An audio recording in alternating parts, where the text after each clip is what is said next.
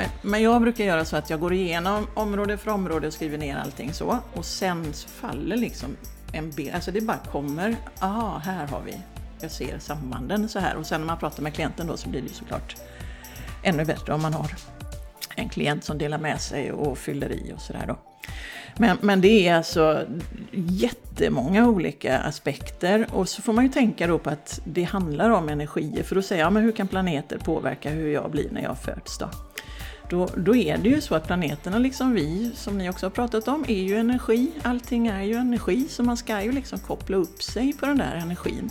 Och det är ju det man gör om man har en planet som rör sig i ett område som jag vet att ja, men den här, jag har möjlighet att expandera nu till exempel. Ja, men då kopplar jag ju in mig på den planeten och så vet jag ju det. Och då är det ju den energin liksom som, som man kopplar upp sig på. Du lyssnar på The Game Changers Podcast för en hållbar kropp, själ och planet med Jenny X Larsson och Jessica Isigran. Hej och välkommen till The Game Changers Podcast! Som jag brukar säga, rätt kanal i lurarna. Du har hittat till mig och Jessica Isigran. Nu fick inte du presentera dig själv. Nej, och du sa Du inte kan presentera mig. Ja! Du heter Jenny Larsson! Det gör jag faktiskt, idag med. Idag har vi ju så spännande Jessica, vi har ytterligare en gäst och det är inte vilken gäst som helst, vi har en gäst som kommer tillbaka för andra gången. Och jag funderar på det när jag åkte hit. Det har vi nog bara haft en innan som har varit med två gånger och det är Sari med Con-Marie. Henne hade vi två gånger också. Maja har varit med också. Maja, Gröna Maja. Hon har, varit- Maja var med och pratade om eh, det här med växtbaserad kost och sen hade vi ett avsnitt om en grön julmat tror jag. Som Maja var Mm, just, med. just. Du har helt rätt. Ja, du har helt rätt. Du är nummer tre! Ja, nummer tre. Och ska du då Jessica avslöja vem nummer tre är här då? Ja, det ska jag. Det är ju Lotta Rannevid som är här. Välkommen Lotta! Tack så hemskt mycket, väldigt kul att vara här igen faktiskt. Träffa er. Ja, det är så roligt. Och det är ju som sagt då andra gången som du gästar podden. Och första gången du var med så pratade vi om astrokompassen. Ja. Det är ett koncept som du har tagit fram. Mm. Och det var ju superspännande för du tog ju fram varsitt kompass till Jenny och mig och vi var helt exalterade. Mm. Tyckte det var... Det var ju det där med framtidens ledare som vi gärna liksom Ja. ville hänga, på. Vissa saker appellerar väldigt starkt till er. Vissa saker det har vi glömt, men det här med framtidens ledare, det tyckte vi var härligt. Det var det vi minns från det. Nej, skämt åsido så att vi rekommenderar ju varmt om ni inte har lyssnat på det avsnittet så gå tillbaka och lyssna och bli inspirerade och ni kanske också blir taggade på att eh, själva få en sån astrokompass från Lotta. Och vi kommer ju dela sen, Lotta du får dela hur man hittar dig sen Mm, ja. i slutet av podden. Och det var ju då avsnitt 114 kom vi fram till.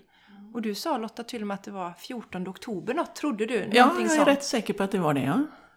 Helt, det är ju det är frapperande att det redan har gått ett år. Frapperande. Mitt nya favoritord. Ja. Ja. Tack farbror. ja. Men i alla fall Lotta, eh, du kanske kan dra lite kort om din bakgrund. Vi pratar ju mer i första avsnittet, men berätta lite kort om din bakgrund och ditt astrologiarbete för våra lyssnare. Mm. Eh, ja, det blir säkert lite upprepning, men, eh, nej, men jag fick intresse för astrologi och den andliga världen liksom ganska tidigt. Och sen har jag motat bort den hela livet, för jag har varit lite skraj, som vissa andra som också har varit det. Eh, men när det gäller astrologin i alla fall så var det någonting som jag liksom inte kunde släppa. Så jag tror att jag började någon gång i tonåren och sen så, eh, ja, så höll jag på och ställde mitt eget horoskop och andras horoskop och sen så pluggade jag astrologi i Köpenhamn när jag bodde där ett par år. Eh, och sen, eh, ja, men sen har jag haft podd och så har jag skrivit i tidningar och sådär. Eh, massa artiklar om astrologi. Alltså sån här infotainment har jag varit ganska mycket för. Att det ska vara roligt liksom. Vad händer när man sätter en vattuman i... Ja, vad händer när en vattuman blir med barn till exempel? Eller beter man intressant, sig? Ja. Så massa sådana där eh, olika artiklar. Eh, och sen så jobbade jag fram den här astrokompassen då nyligen som jag hade på astropartyn då. Alltså, alltså att man träffades ute, sådana här plastpartyn. Eh, och gick igenom olika människors eh, kompass då tillsammans i grupp. Det var väldigt roligt. Eh, och, eh, så det är väl det senaste. Men sen gör jag ju vanliga horoskop också. Och det, ja, astrologin är ganska komplex som vi kommer att märka. Och eh, det är det som är så roligt. och det är därför det tar sån tid också. Jag har gjort mitt eget horoskop nyligen igen för att liksom kolla samband och sådär. Så att, eh, ja. Så det är verkligen ett hel, alltså det är någonting som pågår hela livet. Inte bara för mig som astrolog då, utan även om man får sitt eget horoskop så ska man ju jobba med det sen. Ja. Eh, Och fortsätta. Och horoskopet tickar ju liksom runt, runt, runt hela tiden. Så att därför är det ett, aldrig, alltså det är ett outsinligt ämne kan man säga. Väldigt kul. Jag, jag har ju förstått det lite som sagt, att det är ju mycket, mycket djupare än vad jag trodde innan. Som vi pratade om innan, när man läste i veckotidningen. Nu slår jag på igen här. när man läste i veckotidningen lite som, ja nu kommer Vattumannen hitta kärleken. Fast jag är Ja. kräfta då. Så då hittar inte du den? Nej, jag fick ju ingen kärlek. Det var ju Vattumannen som fick all kärlek. Så Ja, så man. Ja, nej men sen att förstå att vilket djup det är och hur komplext ämne och att det, det tar ju ett helt liv egentligen att att lära sig det ämnet, känns det som. Ja, faktiskt. Och, och ju fler horoskop man gör också, desto mer upptäcker man. För det är ju både den här kunskapen man har, men sen är det ju erfarenheten av olika. Eh, liksom, jaha, den här planetkonstellationen betyder så i hennes horoskop, okej. Eh, så att man, man rör ju sig liksom hela tiden. Man skaffar också sådana här olika bilder av, om man känner någon typisk vattuman till exempel, nu tar jag dig som exempel. Men, eh, men du är ganska typisk. Eh, Då kan man ju ha den personen, då har jag ju den personen i bakhuvudet här att det kommer liksom den bilden direkt. Jag har några jungfrur också som är väldigt typiska så att man, liksom, man har något att hänga upp det på. Men det betyder ju inte att alla jungfrur är sådana. För jag kan ju sen säga till någon jungfru att ja men du är ju sån och sån. Nej, det är jag inte alls. Ja, ja. Jo då, om du tänker efter. Men, eh, Tänk nu. ja, nej jag skojar. Men ungefär så. Så att det är mycket som är generellt, men sen man fördjupar sig så blir det ju något helt annat. Och, Ja. och det brukar bli att folk liksom får aha-upplevelser. Ofta att man känner igen sig, som ni gjorde väldigt mycket sist också. Eh, Men just att man liksom får det klarlagt att ja, men det här, de här sambanden är något att titta på och jobba med. Liksom, Så att man får en annan bild av sitt liv och sin personlighet. Liksom. Ja. Jag kommer att tänka på, när du pratar om astrologi, jag kommer att tänka på tarotkort. Alltså det är ju också en hel vetenskap. Eh, och ehm, just det här med att man, man får, nu kan ju inte jag det, men jag har ju tittat på folk som kan det. Och eh, just det här att det är ju också bara liksom lära sig olika konstellationer, vad betyder det, vad betyder det för mig? Och där kom den erfarenheten in och där lärde jag mig det och när de ligger så och den ligger under och den ligger upp och ner. Alltså det, det där är ju också, jag tycker det är jättefascinerande. Borde vi kanske ha någon som är riktigt duktig på, på tarotkort någon gång, det hade varit kul. Ja, så känner ni någon där ute som är duktig så tipsa oss gärna. Eller Janine kanske. Ja, Janine, ja, det vore ju roligt att ha henne här. Ja. Det ska vi kolla upp. Ja, det ska vi kolla upp.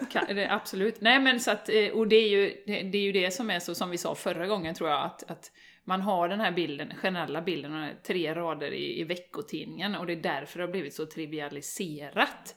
Istället för att se det för, som det är fantastiskt fina verktyg som det faktiskt är. Som man kan använda sig av och, och eh, liksom boosta sin personliga utveckling kan jag tänka mig. Så kände jag i alla fall när vi hade gjort våran, vårat, eh, våran astrokompass med dig Lotta. Det var ju fantastiskt. Ja, men det är ju kul. Och det som är tråkigt är, alltså för att det, det är ju så himla nedtryckt och, och kritiserat. Och ofta är det ju det av folk som inte har begripit vad det är. Nej. Och det, då blir man ju så här, men snälla låt mig förklara då.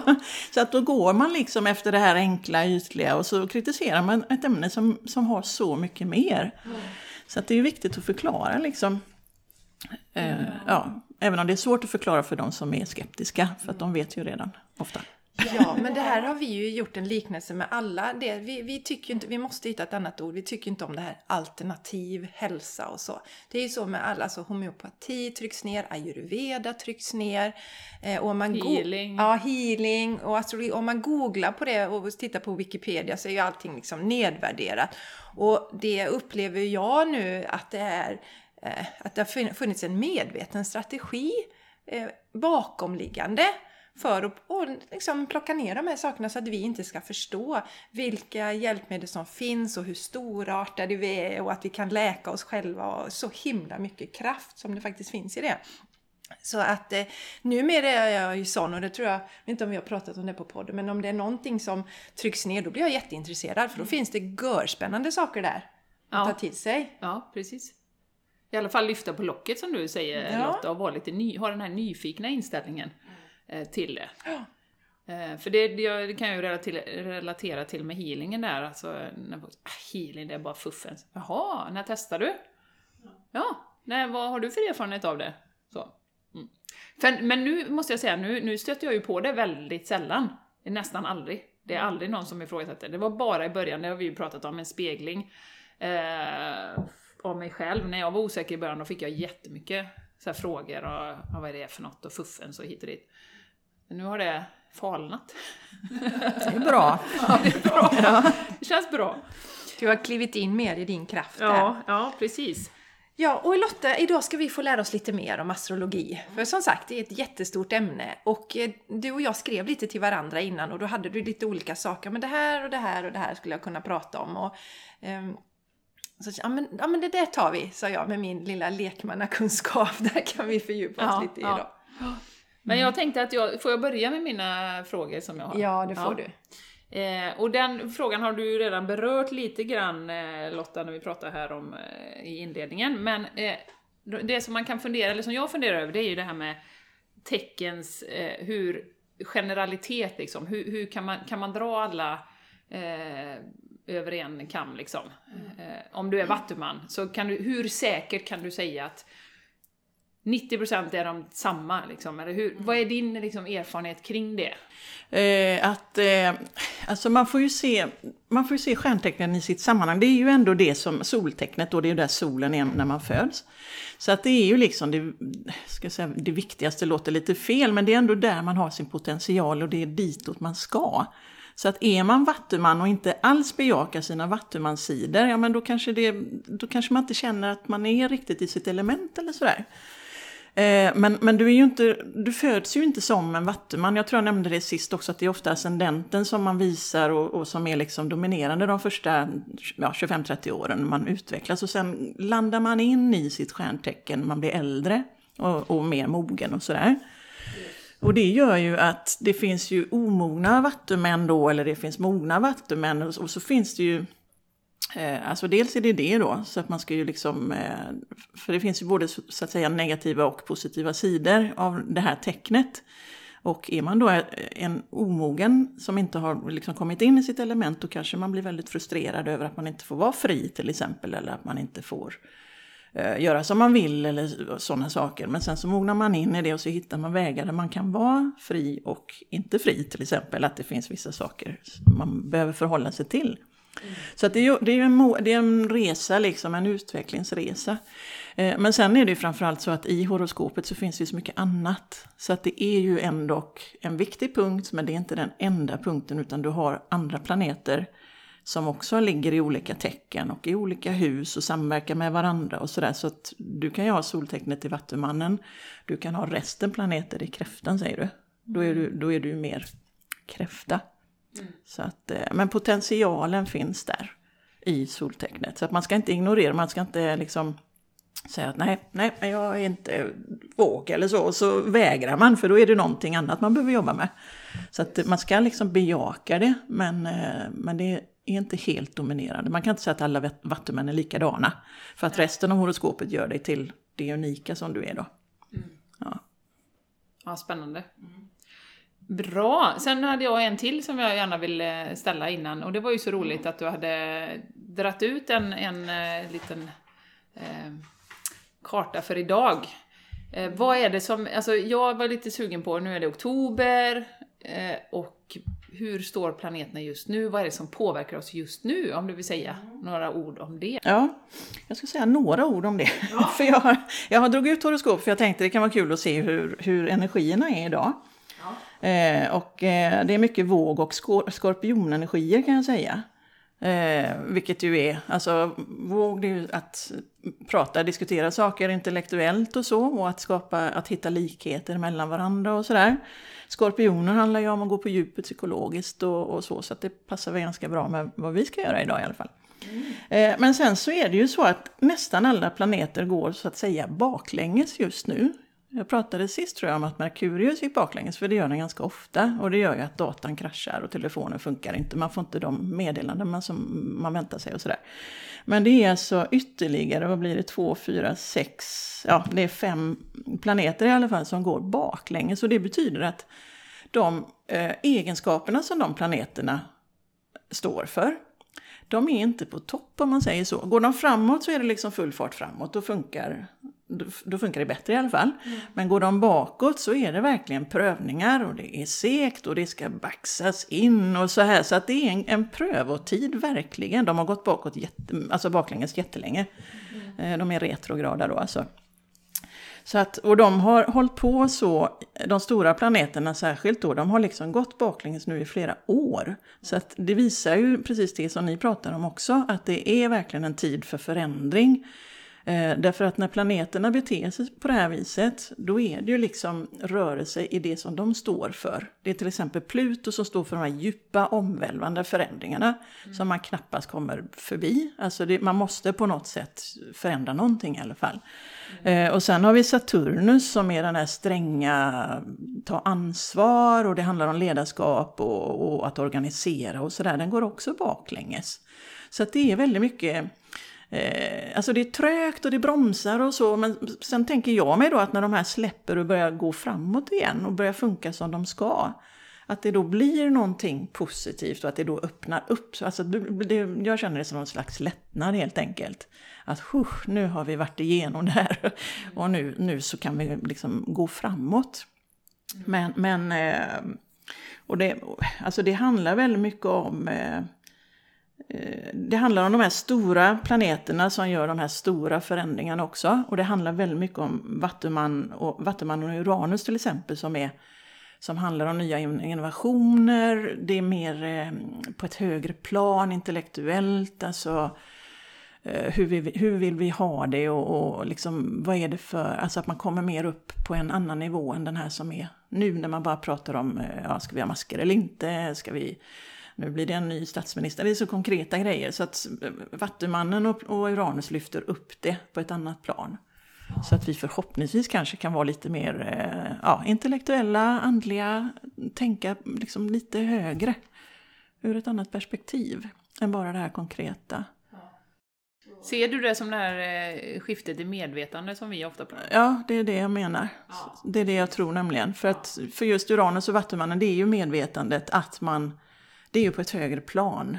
Mm. Och för att komma dit så behöver man kanske gå igenom, det är min tolkning i alla fall, gå igenom allt det här tröga som är nu. Mm.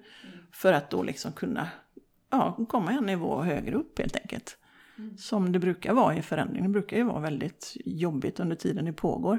Men, men alltså så här många planeter som håller på och stökar liksom och verkligen går baklänges. Så det, ja, det känns som att det är ganska unikt så. Men vet du när de börjar gå framåt igen? Eh, alltså det är olika...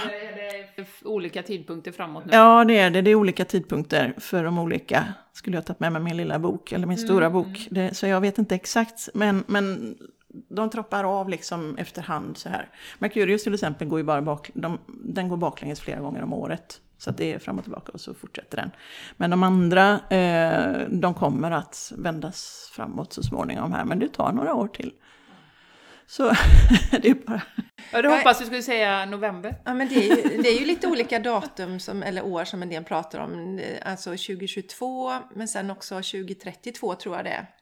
Att vi går in i ett helt annat skifte då, energimässigt. Liksom den nya Ja det, ja, det är bara att hålla ut. Ja, och det är, alltså, det är ju inte negativt, det är ju jobbigt under tiden man är där, men det är ju liksom, det är ju så när man själv får någon sån här transit, jag kommer att prata lite om det sen, Eh, i sitt eget horoskop. För planeterna går ju i mitt horoskop och i ditt och i, och era horoskop hela tiden.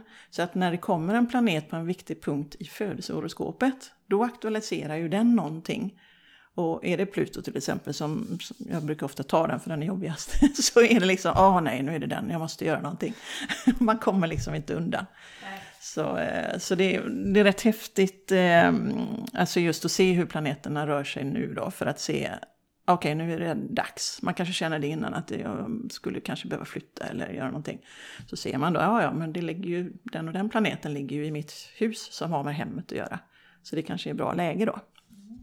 Ja, jag har redan gått i förväg på vad jag skulle prata om, men, men eh, ja. Ja, du får berätta lite eh, om de här med hus och sånt, vad det innebär. Jag hade en fråga på detta också, för idag sa du att det var våg och skorpionenergier, va? Mycket så. Och då blir jag bara lite nyfiken, för jag har ju månen i vågen konst- och eh, eh, ascendenten i skorpionen. Påverkar det mig annorlunda än till exempel Jenny då? Eh, ja, du hade lejonet, eller var det? Ascendent. Du hade, Jag ja, jo, det. du, hade, jag har du har det. ascendenten i lejonet. Det hade Ja, du. tack. Ja. Eh, ja. Eh, ja, alltså det är ju, denna ascendenten berör ju, ja, det ligger, jag ser att din ascendent ligger ganska sent i eh, tecknet medan denna ligger ganska tidigt.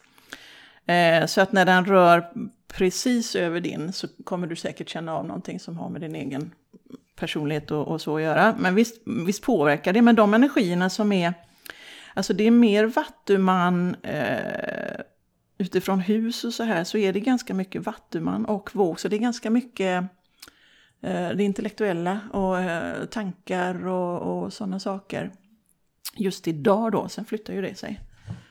Eh, och i det huset också. Mm. Så alla påverkas på något sätt av de energierna Ja. idag oavsett vad man har för personligt. Ja, det gör de. Ja, för varje planet i horoskopet som jag ställer idag lägger ju sig över någon planet i, i, ditt, i någons födelsehoroskop då. Och då aktualiseras någonting där. Ni får säga till om det blir komplicerat. för, ja, ja. Så att det blir som att lägga en karta på en karta och så ser man, jaha men här träffas de, vad händer? Ja men då får jag se liksom vad, vad på, hur påverkar det mig och så. Så, mm. Men om man ser på hur, alltså i och med att detta är klockan 10, nu börjar vi lite senare.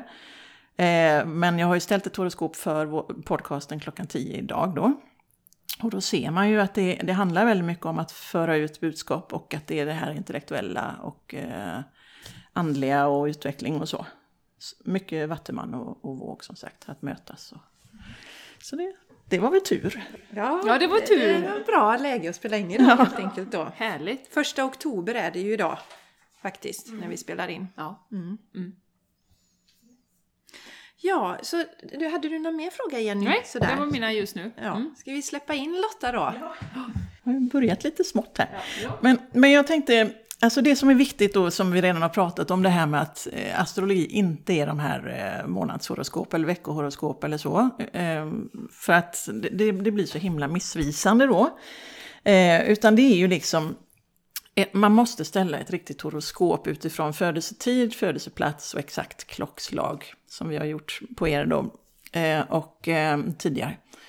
Eh, och utifrån det då så tittar man, för då ligger alltså alla planeter på olika ställen och hur de förhåller sig till varandra tittar man på. Man tittar på ascendent och medium coeli är en annan punkt som man tittar på. Man tittar också på det som vi pratade om förra gången, alltså livssyftet och, och sådär. Så att när man väl börjar att dra i en ända så blir det ju liksom hur mycket som helst. Som astrolog så är det verkligen sådär, åh herregud, och så, så går man liksom igenom så här.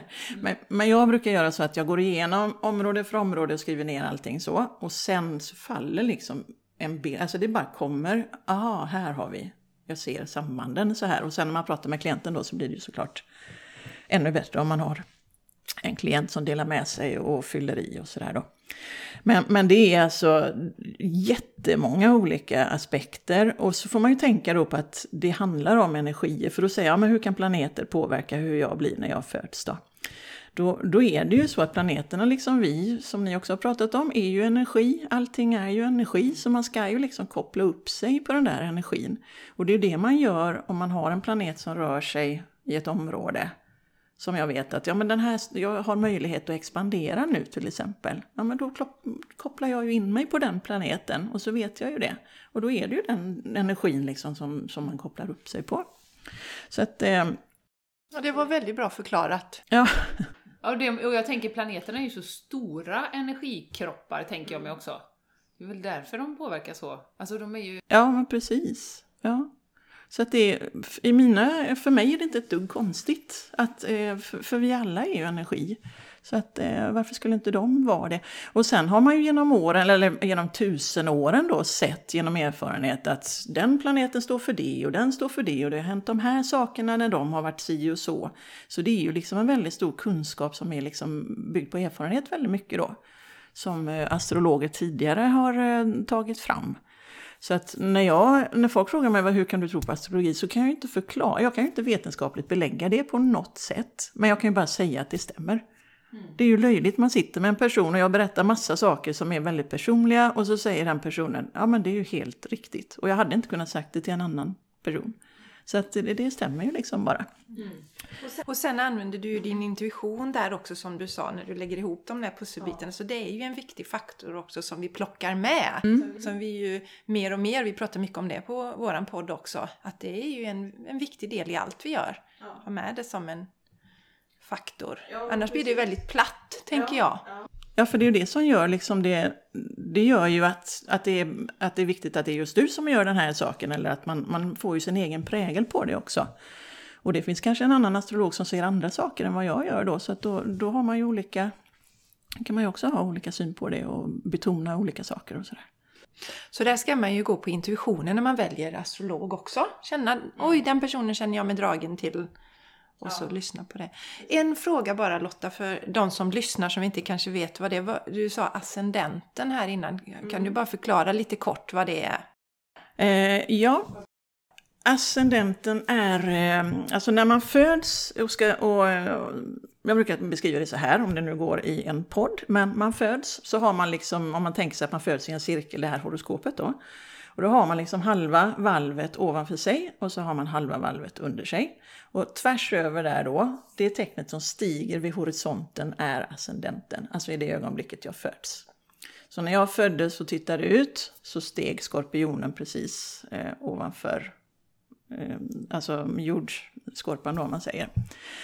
Eh, och det är det tekniska. Eh, sen så står ju då ascendenten för, eh, dels kan den ju visa eh, hur det ögonblicket var, födseln. Det har jag skrivit en artikel om, till exempel hur förlossningen var då, exakta ögonblicket där.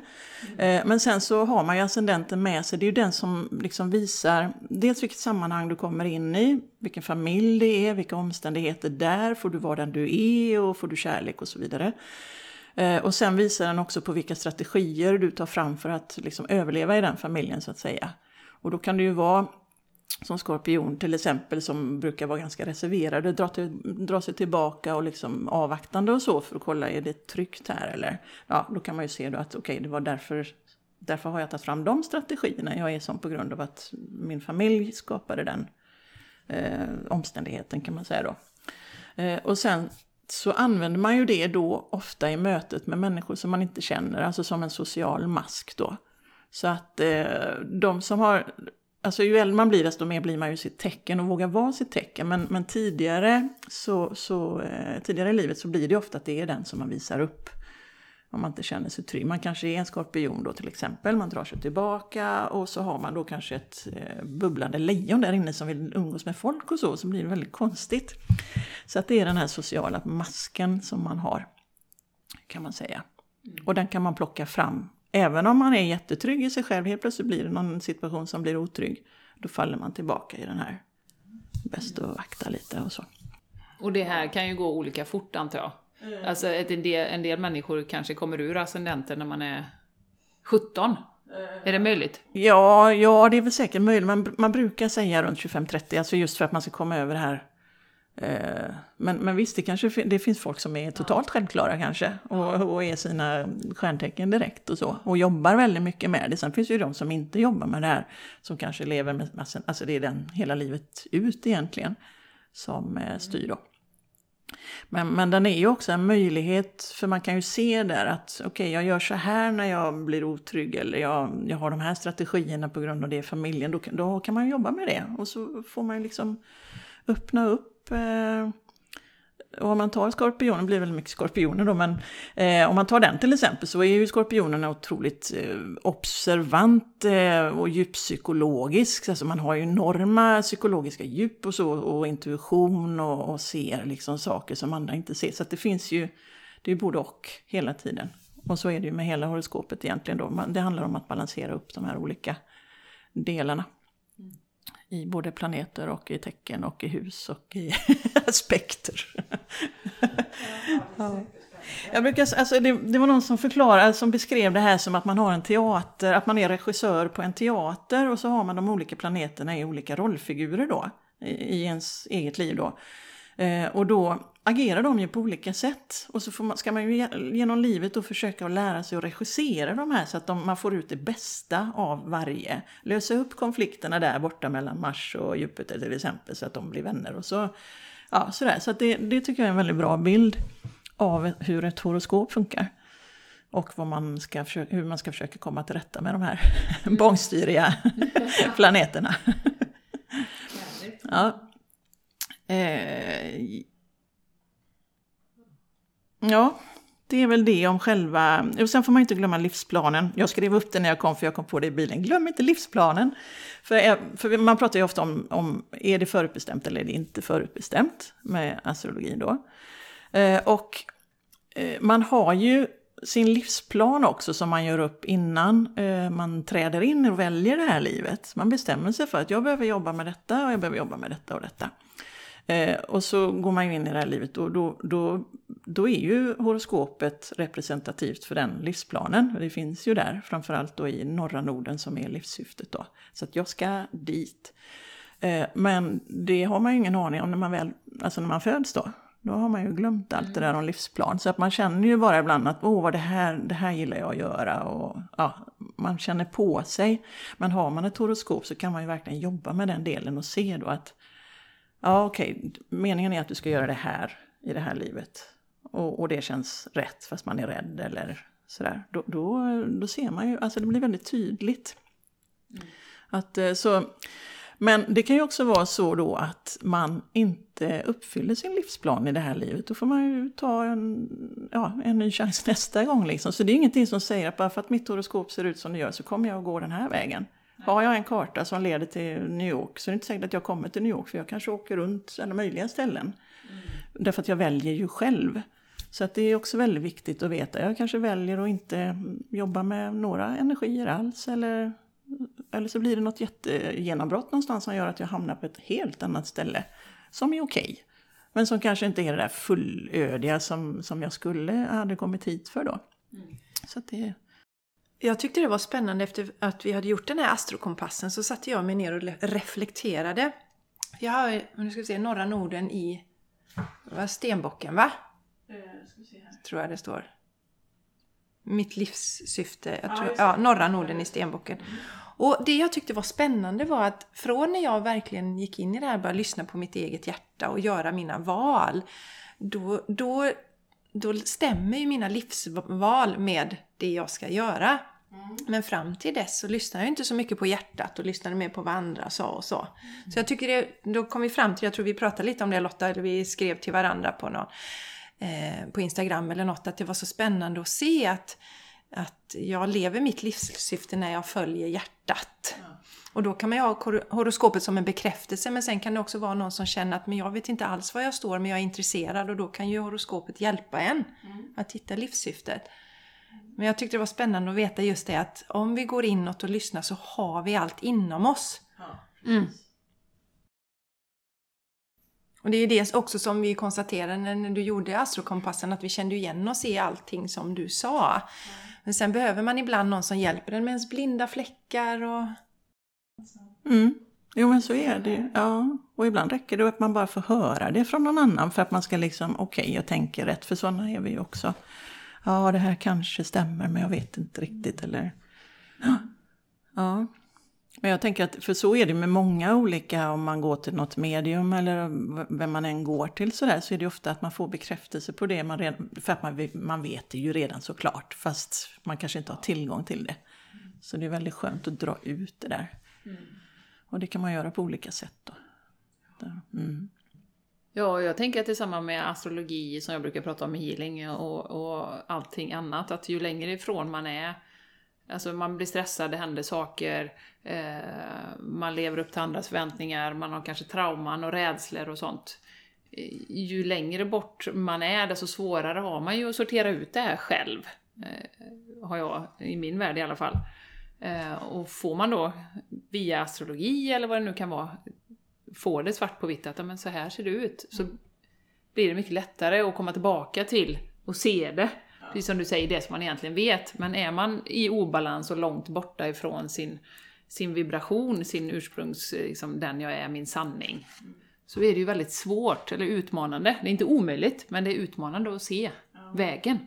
För det blir så strukturerat på något sätt, beroende på vilken metod man väljer. Man strukturerar upp det helt enkelt, de här sakerna.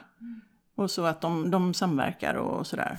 Ja, just det, nu förstår jag. Ja, så kan man ju kanske landa i det då och börja jobba.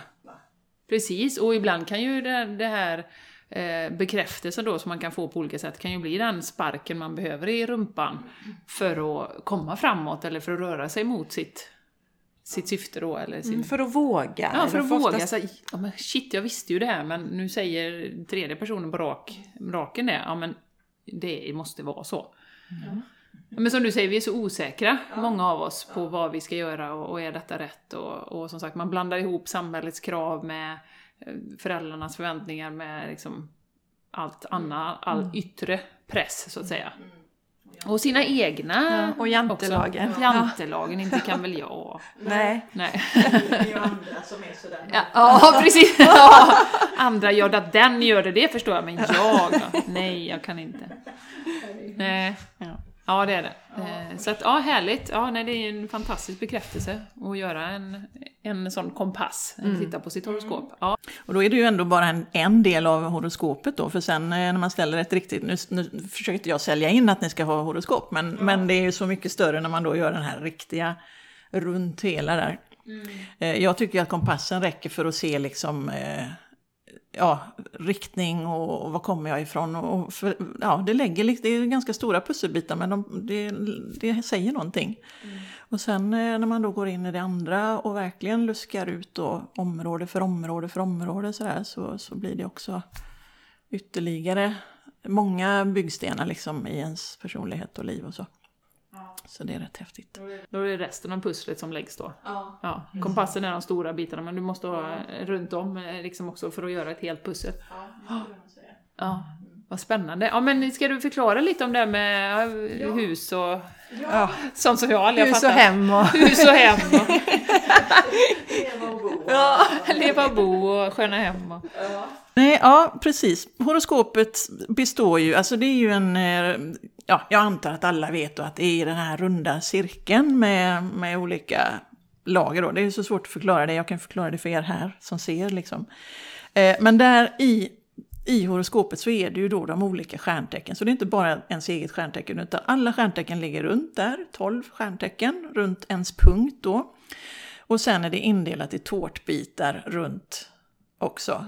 Som, som är, eh, jag ska försöka vara lite pedagogisk. Eh, stjärntecknen är ju för att man har ju lite av varje stjärntecken i sig. Det har ju alla. Eh, och beroende då på om det är planeter som är placerade i de här olika stjärntecken Eh, så blir de ju mer eller mindre betonade då. Eh, och utöver det så finns det då de här tårtbitarna som horoskopet är indelat i som är numrerade 1 till 12 och det är då husen som står för områdena. Ja. så att det är både det som grunden, och det är bara grunden då, är vilket stjärntecken har du planeter i? Vilket hus ligger det i? Hur förhåller, ja, nästa steg, hur förhåller sig de planeterna till de andra planeterna? Och vilka hus är det? Och vilka stjärntecken är det då? Och sådär. Eh, och alla stjärntecken har en härskarplanet, det vill säga det, det passar ihop en planet med varje stjärntecken. Eh, jag tänkte vi skulle gå igenom det lite snabbt, för det kan ju vara lite roligt att veta. Eh, och även alla hus ha, är då förknippade med ett stjärntecken och planeten då. Så att så sätt är det lite enkelt kan man säga. Vad spännande, nu trillar det ner några, några mynt här i alla fall. Så om vi börjar med väduren som är första tecknet då. Då domineras den av Mars och den står då för första huset. Eh, Och väduren är ju, Mars är ju liksom en energisk planet, eh, kan vara en aggressiv, en tävlingsinriktad planet, eh, men den vill något och det finns mycket energi där och den sätter liksom fart på saker och ting. Så har du Mars, alltså då tittar man på, okej, var har jag Mars någonstans då? Ja, men den ligger i, den ligger där. okej, okay, då, då lägger jag väldigt mycket energi på familjen kanske, eller väldigt mycket energi på min karriär beroende på var de ligger då. Eh, och eh, vad heter det? Jo, första huset då. Nu gör jag det lite krångligt för mig märker jag. Jag skulle gå igenom husen för sig. Eh, första, husen, första huset handlar om ens personlighet då, hur man uttrycker sig. Och det är också liksom väduren, för den uttrycker sig gärna, så väduren syns ju, drar igång projekt och, och vill liksom göra saker väldigt handlingskraftig. Eh, så att alla de där sakerna hänger liksom ihop då med både planet och med hus och med stjärntecken. Om man tar nästa då som är oxen, då är det andra huset. Och oxens planet är Venus. Eh, som ju då är en ganska fredlig planet. Gillar att ha det lite skönt. och sådär. Eh, Venus är ju också en, eh, alltså en kärleksplanet såklart då. och ja, vänlig och, och sådär. och oxen då är ju en Alltså oxen i sig är ju väldigt sådär, man ruckar inte på en oxe utan det är liksom... Min man. jag antecknar nu. Ja, okej. Okay. Jag pratar tydligt. Oxen sitter där han sitter. Sitter där han sitter, ja. Okej. Okay. Men eh, det är ju liksom väldigt mycket det, det, det, fysiska i alla fall. Man ska kunna ta på saker. Så. Man kan gärna ta i jord eller man kan liksom, men det är så oxen lär sig saker. Genom att hands-on och ta, inte sitta och tänka som andra tecken kanske, utan man ska göra saker konkret sådär. Eh, och eh, lever gärna skönt då, där kommer ju Venus in då, att det är gärna under ett palmblad så här och äta lite druvor och sådär. Eh, och... ja. och sen då om man tar huset som, som, som handlar då om ens egna tillgångar, då är det inte bara pengar och så, vilket ju oxen också är ganska noga med, alltså ekonomi och så. ha ordning på finanserna. Eh, men det handlar också om eh, värderingarna kring sig själv då. Vad anser jag att jag har att bjuda på i andra huset där? Eh, vad har jag för värderingar i förhållande till vad har de där för värderingar? Värderar jag mig själv lika mycket som jag värderar andra? Eller gör jag bara saker för att andra ska må bra hela tiden? Till exempel då, jag ligger i andra huset. Är det, är det också en så här rutinbetonad? Ja. jag bara gissar. Vild gissning. Bara något jag plockar i luften här, jag vet inte var det kommer ifrån. Alla de eh, jordtecken, för oxen är ju ett jordtecken då, ihop med jungfrun och stenbocken, alla de är ju väldigt rutinartade. Alltså, det, det, det är ju inte jättespontant om man säger så. Nej, Nej. inte som en vattuman då? Min man är ju jungfru då. då kommer vi till det sen. Ja. Ja. Men de kan vara organiserade och, liksom eh, strukturerade på ett väldigt olika sätt och med olika fokus, de här tre mm, tecknen. Då. Eh, om vi kommer till tredje huset med tvillingarna och Merkurius då, då börjar det hända lite mer spontana grejer, minst sagt. För tvillingarna är ju väldigt, de är väldigt spontana. De kan liksom, eh, Tvillingarna kan ibland vara lite beskyllda för att de inte, man kan inte lita på dem riktigt. Därför att ena dagen pratar de med en person och tycker ja men det där är jättebra, jättekul, vad roligt. Och så träffar de, eller ja nästa sekund till och med, träffar de någon annan. Ja det där tycker jag var jättekul, vad, vad, ja men det kör vi på. Och då har ju inte, alltså i tvillingarnas värld så går det väldigt snabbt från den ena tanken till den andra. Och så går det genom hjärnan på dem och de liksom omvärderar och får en massa andra idéer. Och där hänger ju inte andra människor med, för de är så himla snabba i huvudet. Mm. Eh, och det syns ju inte utåt. Så därför kan man ju bli så, men du sa ju så här igår, jo men herregud jag har ju tänkt om massor här nu så att eh, det borde du väl förstå. Nej, så, här, så att det är väldigt mycket tvilling då. Merkurius är ju den planeten som är snabb, det är liksom the messenger. Han springer med budskap liksom eh, runt väldigt snabbt då. Eh, och är som kvicksilver brukar man säga. Alltså eh, väldigt mycket tankar, går väldigt snabbt och, och sådär då. Eh, och där handlar det väldigt mycket om kommunikation då. Både i tredje huset, i tvillingarna och Merkurius då. Att det är väldigt mycket att kommunicera. Man har ett behov av att kommunicera med folk, att vara med folk, mingla med folk, utbyta tankar och liksom har inte alltid tålamod då med att det kanske går väldigt långsamt om det kommer någon stackars ja, oxe då. Så ah, jag behöver tänka efter här. ja. ja. På sin kärra. Ja. Eh, så, så det är väldigt olika, väldigt olika tecken här då, och hus för den delen. Eh, och sen nästa tecken i ordningen är kräftan då. Ja, Jessica. Ja. Och då har du också ditt hus där, det fjärde huset. Och så har du då månen som är planeten som är kräftans eh, planet.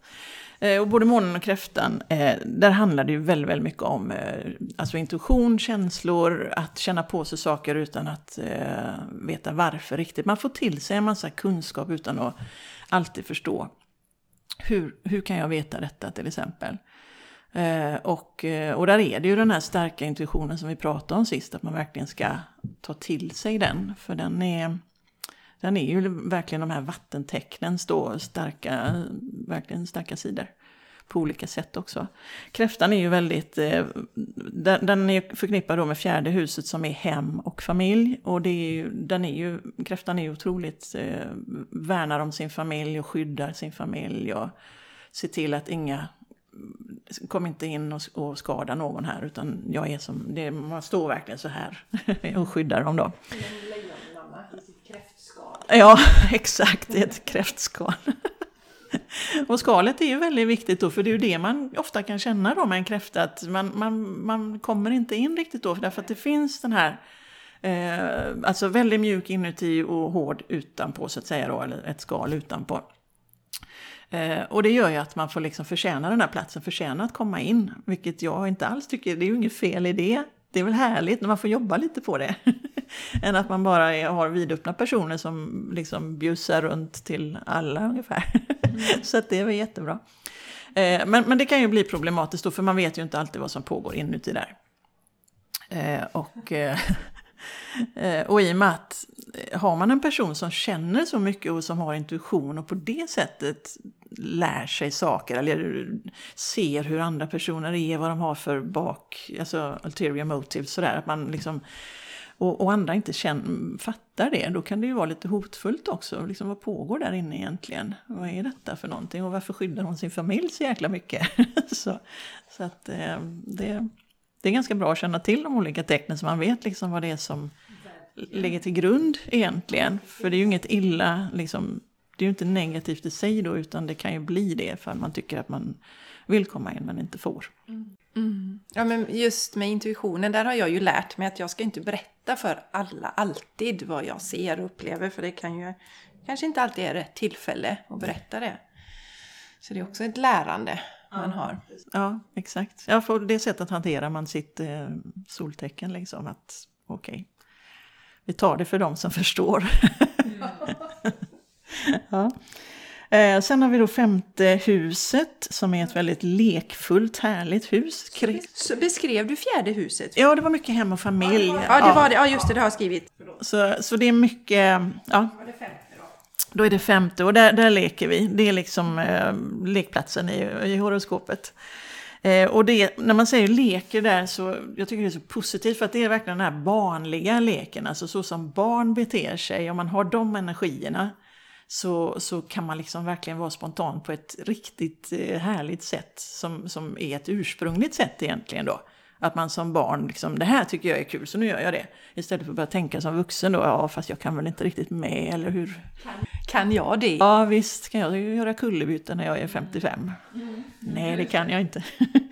Eh, så att det är en väldigt skön energi där och det är också kreativitet som, som det huset står för. Eh, att man, eh, det skapande huset helt enkelt. Så att och då är ju det förknippat då med lejonet och med solen. Och solen den strålar ju liksom, så den står ju verkligen för den här starka energin som också lejonet utstrålar då. När ett lejon är eh, liksom moget och, och så. Mm. Eh, och eh, lejonet är ju en självklar ledare och eh, är ju liksom... Den, ett lejon förväntar sig respekt och att folk ska fatta hur jäkla bra ett lejon är. Annars är det något som är fel. Men, men ett lejon, man är liksom inte aggressiv eller tycker att åh vad ni är korkade som inte fattar detta. Men man bara, ja men herregud, förstår ni inte? Alltså mer så är det. Jag, jag, har jag har en kompis som är lejon, detta är så talande för att hon, hon kunde inte undvika att gå ut på stan, alltså på lördag sådär. Det var när vi var yngre då. Jag måste ut på stan. Så jag sa, men är du rädd för att missa något? Nej, men jag är rädd att de ska missa mig. och det, det är väldigt typiskt. att man anser att man är så eh, speciell. Vilket ju, hade vi alla gjort det så hade det varit underbart. Liksom. Men omogna lejon då kan ju vara väldigt sådär krävande och, och, att man bara, åh herregud, nej, sådär. Men, men när man har kommit igenom det och sen verkligen bejakar den här barnliga sidan, alltså den här barnenergin och det här kreativa och mm. att våga vara sig själv fullt ut och, och, våga, och vill ha andra med sig liksom för att det är så härligt. Vi har ju ett lejon i släkten, jag ska inte outa den personen nu här, det är, det är ett barn. Men eh, det är, det är verkligen, känn igen det här att vilja, ja men verkligen titta på mig. Mm. Lyssna på mig nu. Nu ska jag börja sjunga här och alla ska lyssna på mig. Titta på mig nu! Titta på mig. Men det är liksom, ja men det är så självklart att det är så.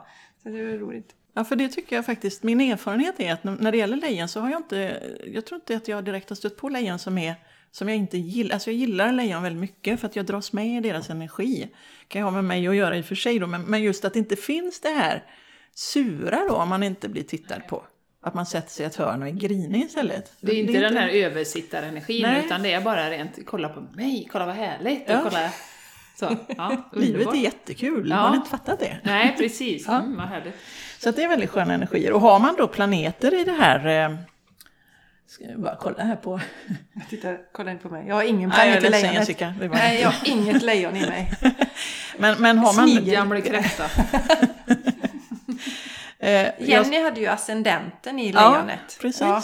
Så då har du den smittande energin. Ja, det ser vi ju alla ja. också att det mm. Det ser vi. Ja.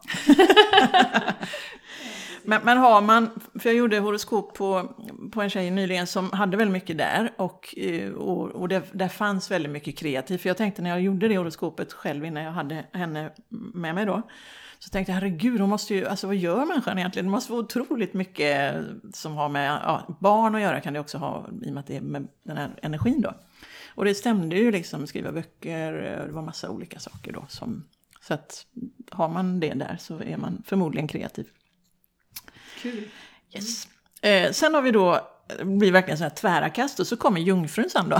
Som mm. inte är riktigt lika sprudlande på samma sätt. Nej, det är min man. Shh, han sitter där nere i källaren. Min pappa också är ja. jungfru kan jag säga. Mm. Eh, för jungfrun är ju det är en ordentlig person oftast. Men, men nu är det ju så att jag har träffat på många jungfrur, apropå det när du frågade i början där, kan man säga att alla är likadana i stort mm. sett. Jag har träffat ganska många som är likadana. Mm. Så, så att, eh, men det betyder inte att alla är det. Nej. Men, men jungfrun styrs av Merkurius precis som eh, tvillingarna. Och de är väldigt, väldigt olika, så jag ska förklara varför, hur man kan hur de kan ha samma planet då. Eh, och sen ligger det ju, eh, jungfruns motsvarande hus då är sjätte huset som står för rutiner, det står för hälsa, sköter du dig ordentligt? Tar du dina vitaminpiller eller äter du grönt nu och, och sådär? Eh, för annars kan du bli psykiskt inställd, alltså du måste ha balans i de här sakerna. Och likadant med jobbet då, alltså just det rutinmässiga, det handlar inte om karriären utan det handlar om eh, rutiner på jobbet Ser du till att få dina pauser och behöver du trygghet och ro på jobbet eller kan du vara en sån som är ute och flänger och, och sådär. Så det handlar sjätte huset om. Eh, men jungfrun då, eh, med Merkurius, så i tvillingarnas tecken så var ju Merkurius väldigt snabb och flyger fram och tillbaka och sådär. Eh, men i jungfrun så är den långsammare därför att det handlar mer om att organisera tankarna. Alltså det handlar fortfarande om tankarna. alltså att eh, att, vara, att analysera och, och sådär. Men det handlar inte om att vara ute och prata med folk nödvändigtvis sådär och få energi på det sättet. Utan här handlar det om att samla in information, sortera ut den där informationen och sen liksom få, kan man presentera något väldigt... Eh, för de är väldigt sådär logiska och analytiska och så, jungfruar. Så att det, det kan man hellre ha dem till då så att säga, så får tvillingarna vara ute och... Det kan jag ha dem till. Men just med Merkurius då, att antingen är de väldigt snabba och utåtriktade och, och liksom byter åsikt hela tiden. Det gör inte jungfrun utan hon tar åsikten och så ställer hon dem i ett Excelblad typ och så liksom får ihop det här och så okej, okay, och nu har jag kommit fram till något. Det tar mm. jättelång tid. Det där är min man i ja, ett nötskal. Okay. Men jag gillar den sidan för att ja. jag, jag gillar, han är trygg och det, han har säkert något i oxen också, tänkte jag på mm. kanske. Men han är, känns trygg och stabil och skönt. Och det är tur att jag säger så nu här på podden. Mm. Men just det här, jag känner igen jättemycket det. Det är logiskt och det ska... Det tar lite tid att komma fram till åsikten men sen håller vi den tills något annat verkligen kan rucka den. Mm. Det är stabilt och härligt. Särskilt mm. om man då själv går väldigt mycket på intuition och inte riktigt vet vad man har för belägg för vad det är man... Alltså, mm. det, sådana saker kan ju vara väldigt bra när man eh, är med rätt tecken om man säger så. Mm. så att man kompletterar varandra. Jungfrun kan också vara en sån där som, som eh, alltså, för hon är, hon är så noggrann. Så att är det någonting som är lite galet så, så säger hon det också då. Har du en liten fläck på skjortan, du kanske har köpt en jättefin blus eller så. Mm. Ja, fast det är en fläck där på. Och det, det står aldrig fel. Och det beror på, inte på elakhet, utan på att ja men den är ju inte perfekt. Så vad ska jag... Jag måste ju påpeka det så att den blir perfekt. Mm. Det är ganska roligt. Mm. Eh, yes. Och sjätte huset, det var rutinerna och det ja. Eh, sen har vi då vågen som eh, förknippas med sjunde huset, relationer, kärlek, partners och så. Och just det här face to face relationer, för det kan ju vara vänner och alltså nära relationer i sjunde huset. Eh, och vågen har då Venus, kärleksplaneten, som sin dominerande planet. Mm. Och då, eh, då kan man ju tänka sig att vågar alltid är eh, i någon relation av något slag, eller gifta eller förlovade eller ja, någonting sånt där. Eh, och det är ju en sak av det, att man, man bör nog kanske försöka att få till någon relation som, som, eh, som stämmer då för en. Men det, det är ju inte nödvändigtvis de relationerna som man måste ha, utan vågen är intresserad av att utbyta tankar och att hitta likheter mellan dig och mig. Vad har vi gemensamt? Mm. Så, så det är ju det är därför de ofta är medlare och så också för um, Alltså ifall det är två som är eh, ovänner eller om det är något ja, brottsmål eller något sånt där och att man jobbar som medlare. Just för att ja, jag kan se den, din sida av saken och jag kan se den andra sidan av saken. För det är också balansen då som är väldigt mycket vågen. Så att man har en förmåga att se olika sidor på saken. Mm. Eh, och det gör att man hela tiden försöker hitta då, eh, när man träffar andra människor, vad har vi för likheter? Finns det någonting här som vi skulle kunna bygga vidare på? Och sådär då. Mm. Då har jag en fråga. Eh, jag hade ju, visat sig då, jag har ju månen i vågen. Mm. Vad betyder det? Och det har du dessutom i ditt eh, tionde hus ihop med Uranus och du hör hur komplicerat det blir. Nej men då har du alltså, det kan man ju, alltså tionde huset handlar ju om din karriär och ditt sociala anseende och sådär. Så att där är området som detta blir aktuellt, att månen ligger just där då. Eh, och det skulle jag säga att du, eh, när, i och med att det gäller ditt arbete på det sättet, att det handlar om att du har ett behov av att vara, att göra saker med någon annan. Ni två gör detta till exempel då. Så att du ska inte jobba själv, utan du har behov av att ha människor omkring dig. Eh, du har behov också av att det ska vara balans, alltså i karriärlivet då, och i, eh, alltså i, i ditt sociala större sammanhang. Eh, och även eh, att, eh, vad ska jag säga, ja, att du har det här tankeutrymmet. Alltså det, det handlar väldigt mycket om att, eh, att utbyta tankar och, och sådär med andra människor. Så det, det, måste, det behöver du liksom göra för att kunna ha ett, en bra karriär, om man nu kallar det för karriär då. Eh, social status och så. Och sen också att månen bidrar då med sin intuition och allt det på det området också. Så om man tittar på vad du jobbar med då så är det ju exakt någonting som bidrar till vad just du gör där då. När det handlar om det. Mm. Uh, Spännande. Ja. Uh, ja, det kan jag nog säga. För, ja, just det. Det kan jag säga. ja, du har ju Uranus där också men jag ska inte gå in på det. Nej, det lämnar vi. Det lämnar vi utanför podden. ja.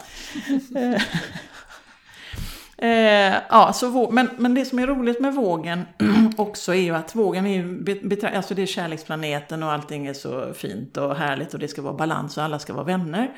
Men också det som är typiskt för vågen som jag har förstått på senare år, jag är ju själv våg då, att just det här att man kan se olika saker på, på saker och ting, det gör ju att om någon människa pratar väldigt mycket för någonting, att så här är det och detta tror jag på, så då, då känner jag som våg då att nej men nu måste jag komma in med någonting, jag måste bli någon form av djävulens advokat, jag måste representera den andra sidan, annars det kan inte bara väga över åt ett håll för då blir det ingen balans.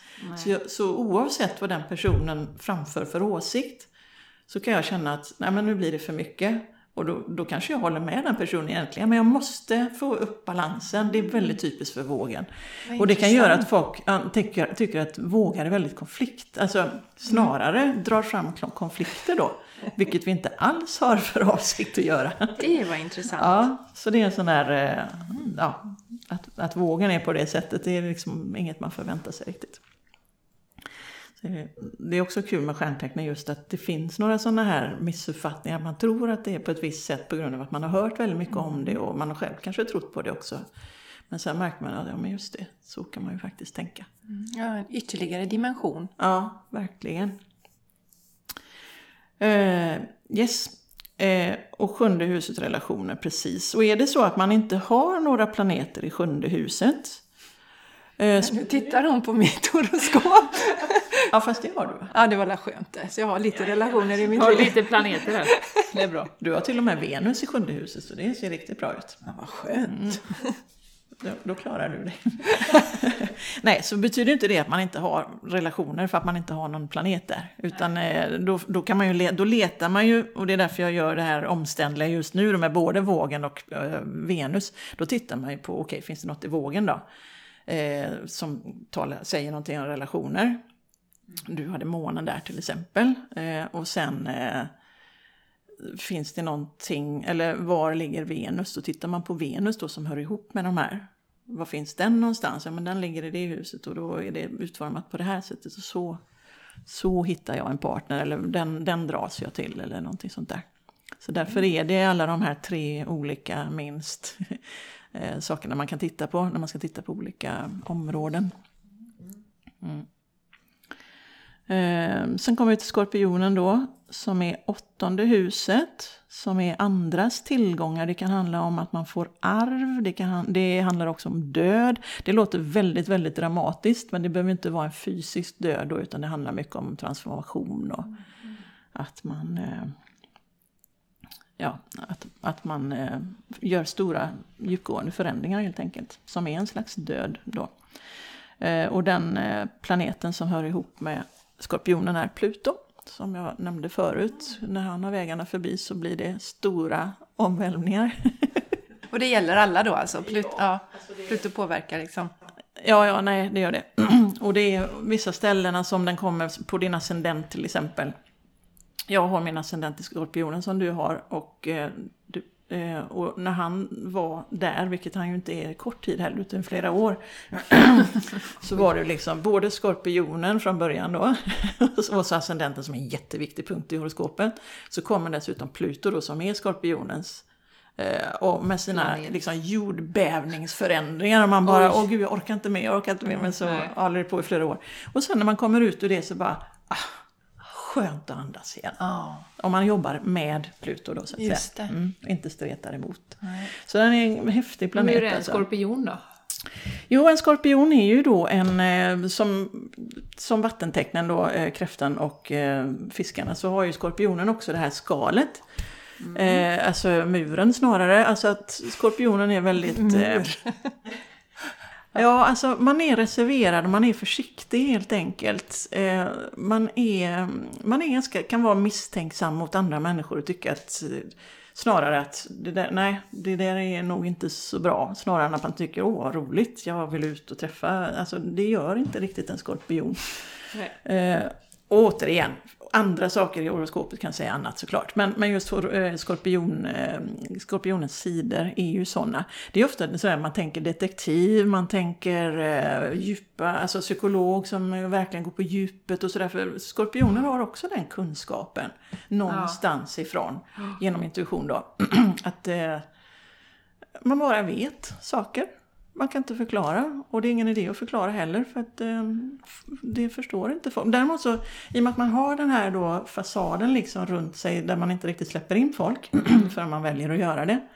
Så, eh, så märks det ju ändå, det är samma med kräftan men ännu mer kanske i skorpionen att det är sånt muller inuti där. Man märker liksom att det är känslor som är som mm. ja, men lite vulkanaktiga då. När ska det liksom brista ut? Underskottet. Ja, mm.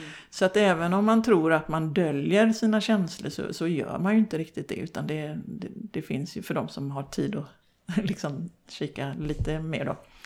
Så, att, eh, så det är ofta med skorpionen brukar man säga att det, det, kan kännas lite obehagligt då för att de ser rätt igenom en och de, de mm. jag, jag, ser precis vem du är. Sådär. Och, och det är ju lite läskigt. Mm. Så att, eh, ja, så de är hemlighetsfulla och, och, så. Men har också de här enorma eh, psykologiska djupen då som gör att eh, de är kloka helt enkelt. Det finns mm. klokskap och, och sådär.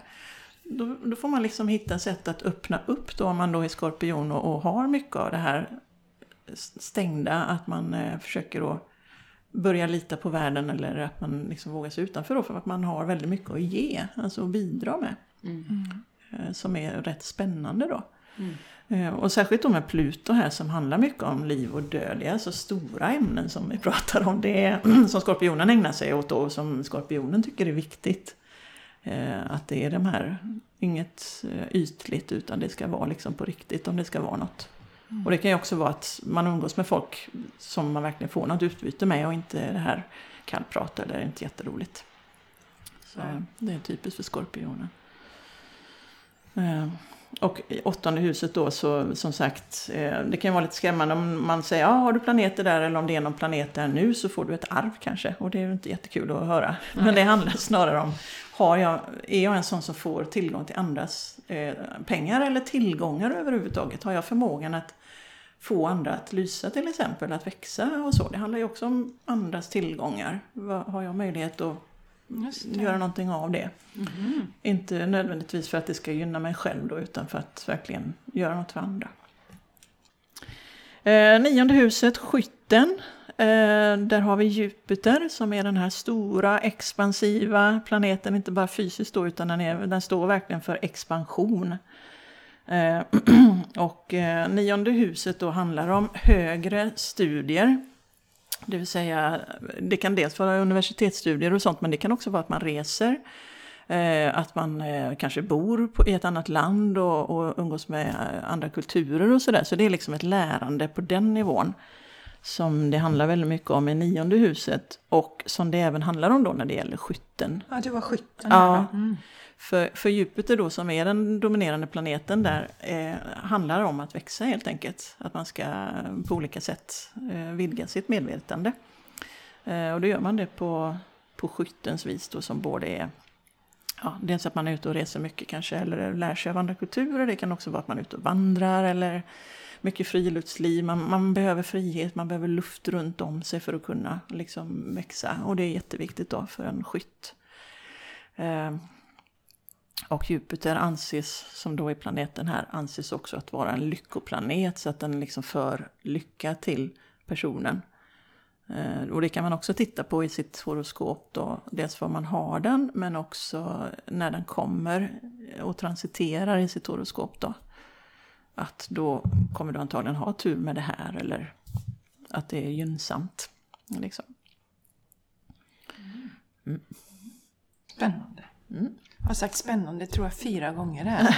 Mer än att det kom till mig. Ja, jag vet inte. Exalterande kan jag säga nästa gång. ja, säg det. Nu börjar jag, kan du säga det sen. Eh, ja, skytten är också, jag kan säga det också, skytten är en ganska rolig typ. För det, han, jag brukar säga att han går i för stora skor också. Alltså han expanderar ju hela tiden, men han kan också, han är en sån som överdriver, clownar sig, clown liksom. Tycker om att underhålla, Eh, min morfar var skytt och han ljög som tusan. Han berättade sina historier till exempel. Det är en typisk grej. Bara för att det, historien mår bra av det. Ja. ja.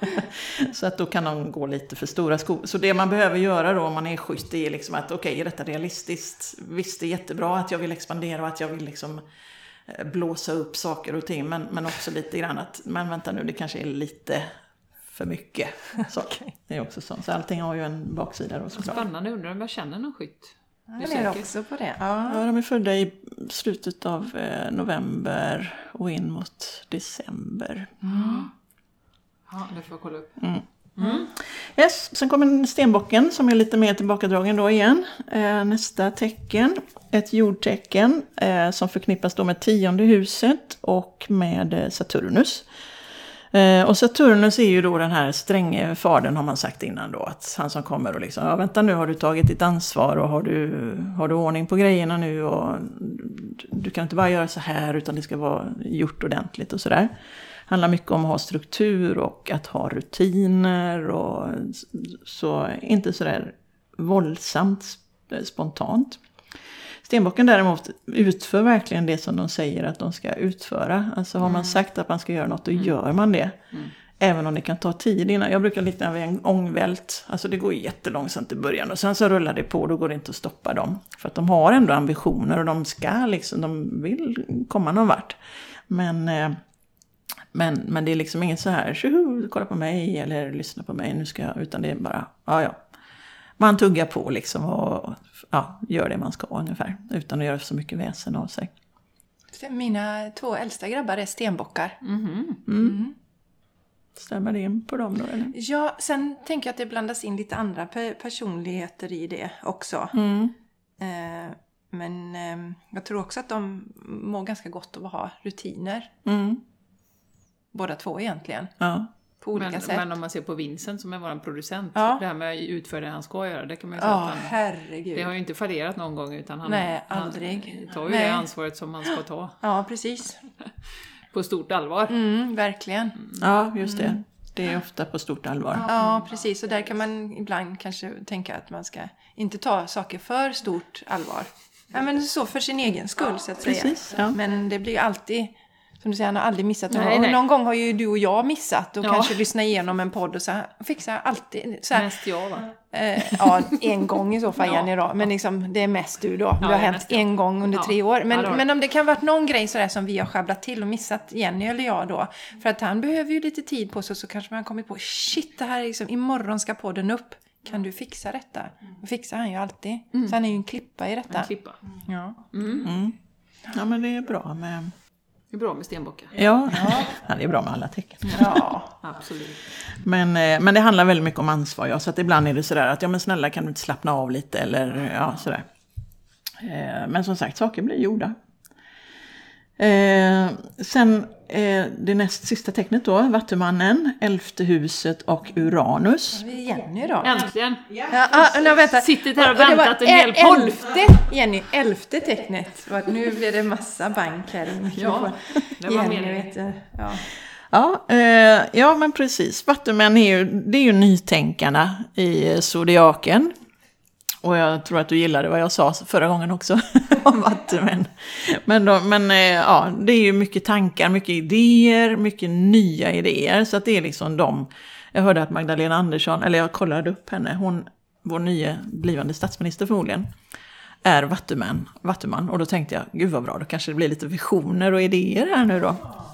Så att eh, de kommer ofta med nya sätt att göra saker och ting och eh, tänker och jobbar gärna då i grupp såklart. Att man driver på eh, tillsammans med andra, inte själva. Eh, sen är vattenman väldigt, eh, vattenmän menar jag, väldigt, eh, kan vara ganska bångstyriga med vad de tänker. Alltså det är ju inte så att man tänker som gruppen utan man har en väldigt, väldigt fast åsikt som man eh, driver på. Eh, oavsett vilket motstånd man möter. Eh, och- Bångstyr ska jag säga till dig Jenny. Nu är du sådär bångstyrig. Det är när jag får, när jag får sån här Facebook-finger. Något Ja, jag precis. måste dela, jag känner mig riktigt Ja, ja, bångstyrig. ja, Ja, ja, som går precis. emot 99% av svenska befolkningen. Ja. Mm. Ja, nej, men det är typ, alltså just att ha de här väldigt fasta åsikter eh, och eh, som inte ändrar sig heller. Men däremot så är det, är det inte så att du går din egen väg själv då, utan du vill vara tillsammans med andra och skapa förändring och eh, det är i den här gruppen liksom som styrkan finns för att verkligen kunna göra någonting. Om man då ser vattenmän i grupper så är det ju bra för att det, det är liksom det är, ju, det är ju vattenmän som verkligen för upp och, och för fram de här nya idéerna. Det blir liksom det blir något nytt och man vågar. Och det, det, ja, särskilt i dessa tider behöver vi det verkligen. Att någon tänker nytt och, och verkligen eh, vågar driva igenom eh, något man inte har prövat förut. Du är ju verkligen inte rädd för att testa nya grejer, Jenny. Eller liksom rent generellt, så att säga. Nej. Nej, utan det, ja men nu kör vi. Det har aldrig testats, så nu kör vi. Mm, exakt, jo men det känner jag. Mm. Istället för, nej det har jag aldrig prövat så det vill jag inte göra. Det vågar jag inte testa. Nej, precis. Nej. Eh, och sen är ju Uranus en ganska rolig planet, Vattumannens planet då. För den, eh, den, är liksom, den gör allting i tre. Eh, alltså om du har den i ditt horoskop idag så ploppar den upp tre gånger. Pluto är sån där att den för, om en Pluto kommer i mitt horoskop som jag berättade om ascendenten till exempel så är det ju ett väldigt malande under lång tid. Men Pluto kommer liksom plopp och så blir det en som man liksom, åh vänta nu behöver jag förändra detta. Ah, så kanske man slipper undan lite. Då kommer den igen. så, aha, vänta nu, jag kanske behöver verkligen. Ja. Och sen en tredje gång. Så att ofta, oftast händer det tre gånger innan man fattar. Så att är man lite medveten om att det är så, så kan man ju tänka, ja nej men okej, det, det är Uranus. Jag behöver ändra detta. Vad står Uranus för annars då? Ja, det är ju också samma som Vattumannen då, för planeterna är ju liksom härskande i Vattumannen. Mm, ja, så ja, att, det, så att det, men Uranus är ju väldigt kvick då och just att den är en liten... ehm, en liten filur på något vis känns det som. Så om Pluto är så här oh, jordbävningsaktig så är, så är Uranus mer en liten tjoho. Min lilla bångstyriga filur. Ja, precis. Väldigt oförutsägbar. Eh, poppar upp. Men, men framförallt då de här eh, sättet att tänka. Ett annat sätt att tänka helt enkelt. På, eh, på ett... Eh, Känner du själv, Jenny, det liksom? Att du Att jag är tänker, bångstyrig? Ja, nej men att du tänker annorlunda. är du med liksom? Är det något du har tänkt så här att du tänker, ja, men liksom, tänker annorlunda än... Ja, det senaste ett och ett halvt året har jag känt Nej men, ja, men generellt liksom.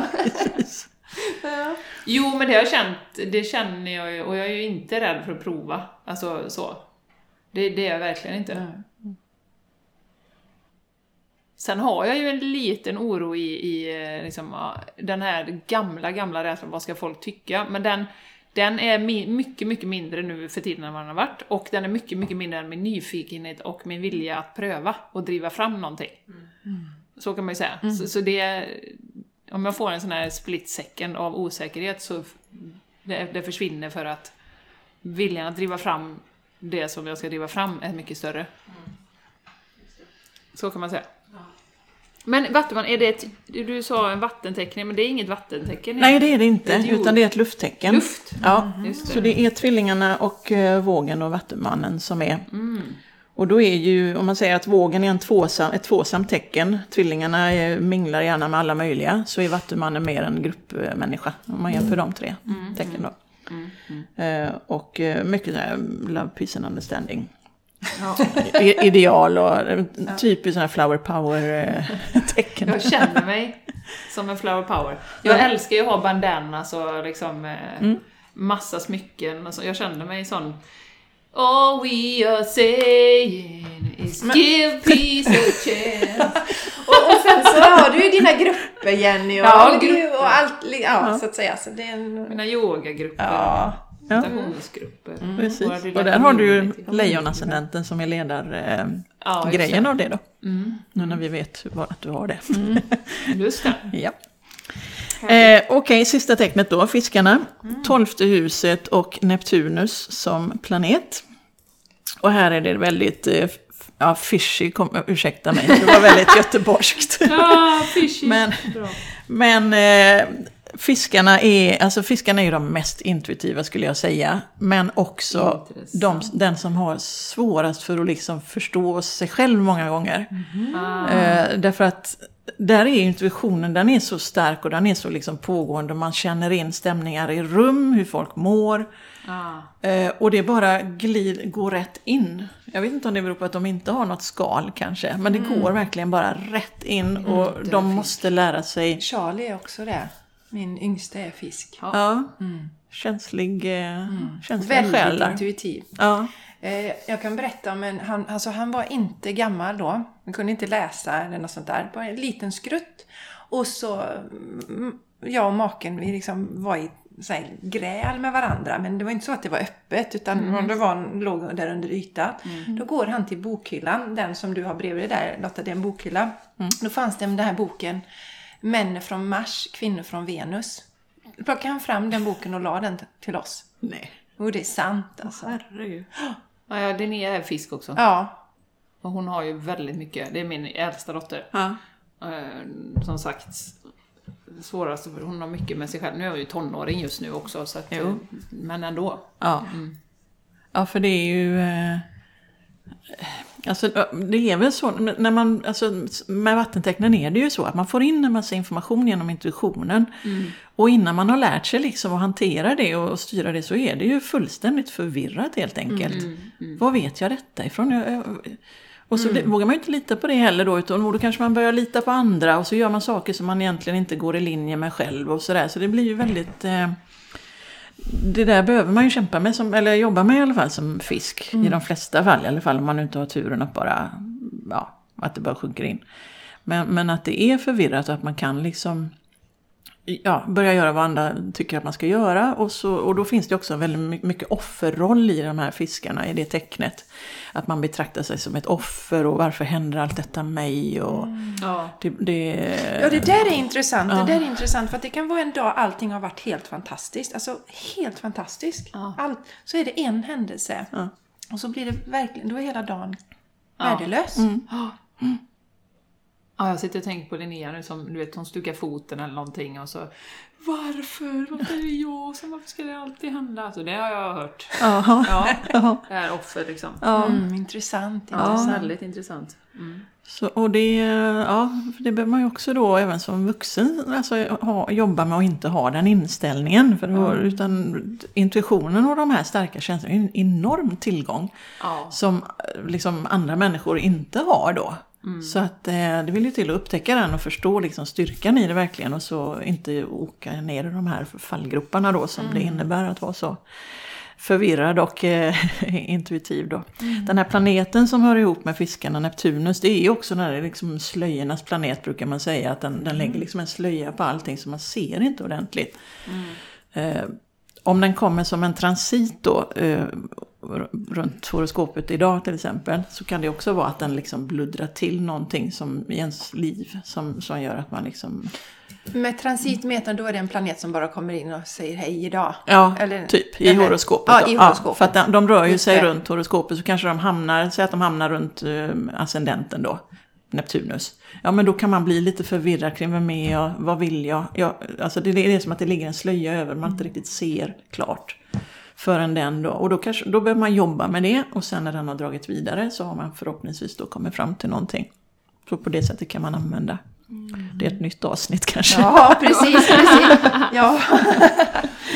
Och sen tolfte huset här eh, som eh, också hör till fiskarna då är ju det här eh, mystiska huset brukar man säga då. Men det handlar mycket om att vara det, det är det, liksom det undermedvetna, eh, det som man inte känner till, det kan vara hemligheter som man har. Man kan ha hemligheter i familjen till exempel. Som man kan se i någons horoskop i, i tolfte. Så eh, att man hittar det där om det ligger vissa planeter. Eh, Men det kan också handla om missbruk, psykisk sjukdom, eh, ja, alla de här liksom lite ytterkantsgrejerna.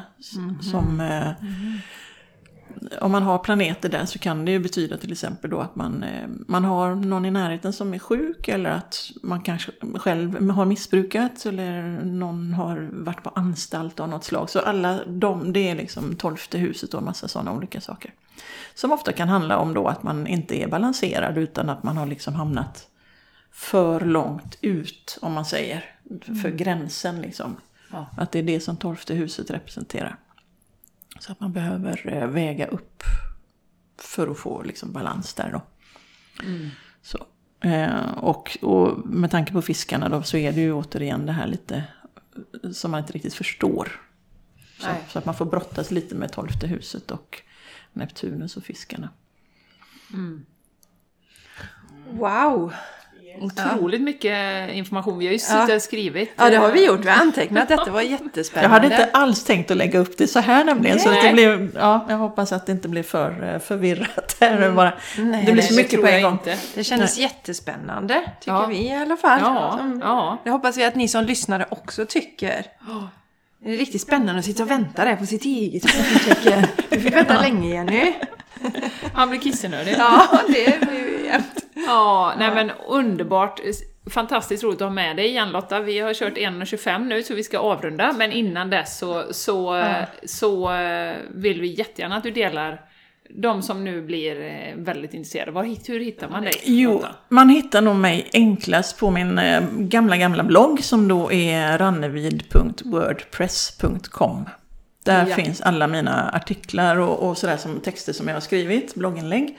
Eh, och sen finns det också de tjänster som man kan köpa av mig då. Så att eh, det... Bland annat astrokompassen som vi nämnde här. Ja, precis. Mm. Yes. Så allting finns där.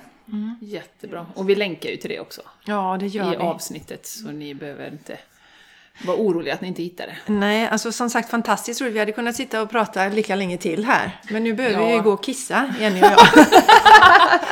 ja, nej men, och, varmt tack! Är det någon liten sista slutkläm du vill säga Lotta sådär nu? Något som du kände innan vi stänger ner? Ja, bara att man ska försöka att jobba med sitt horoskop och förstå att man kan göra det hela tiden. Det, det tycker jag är viktigt.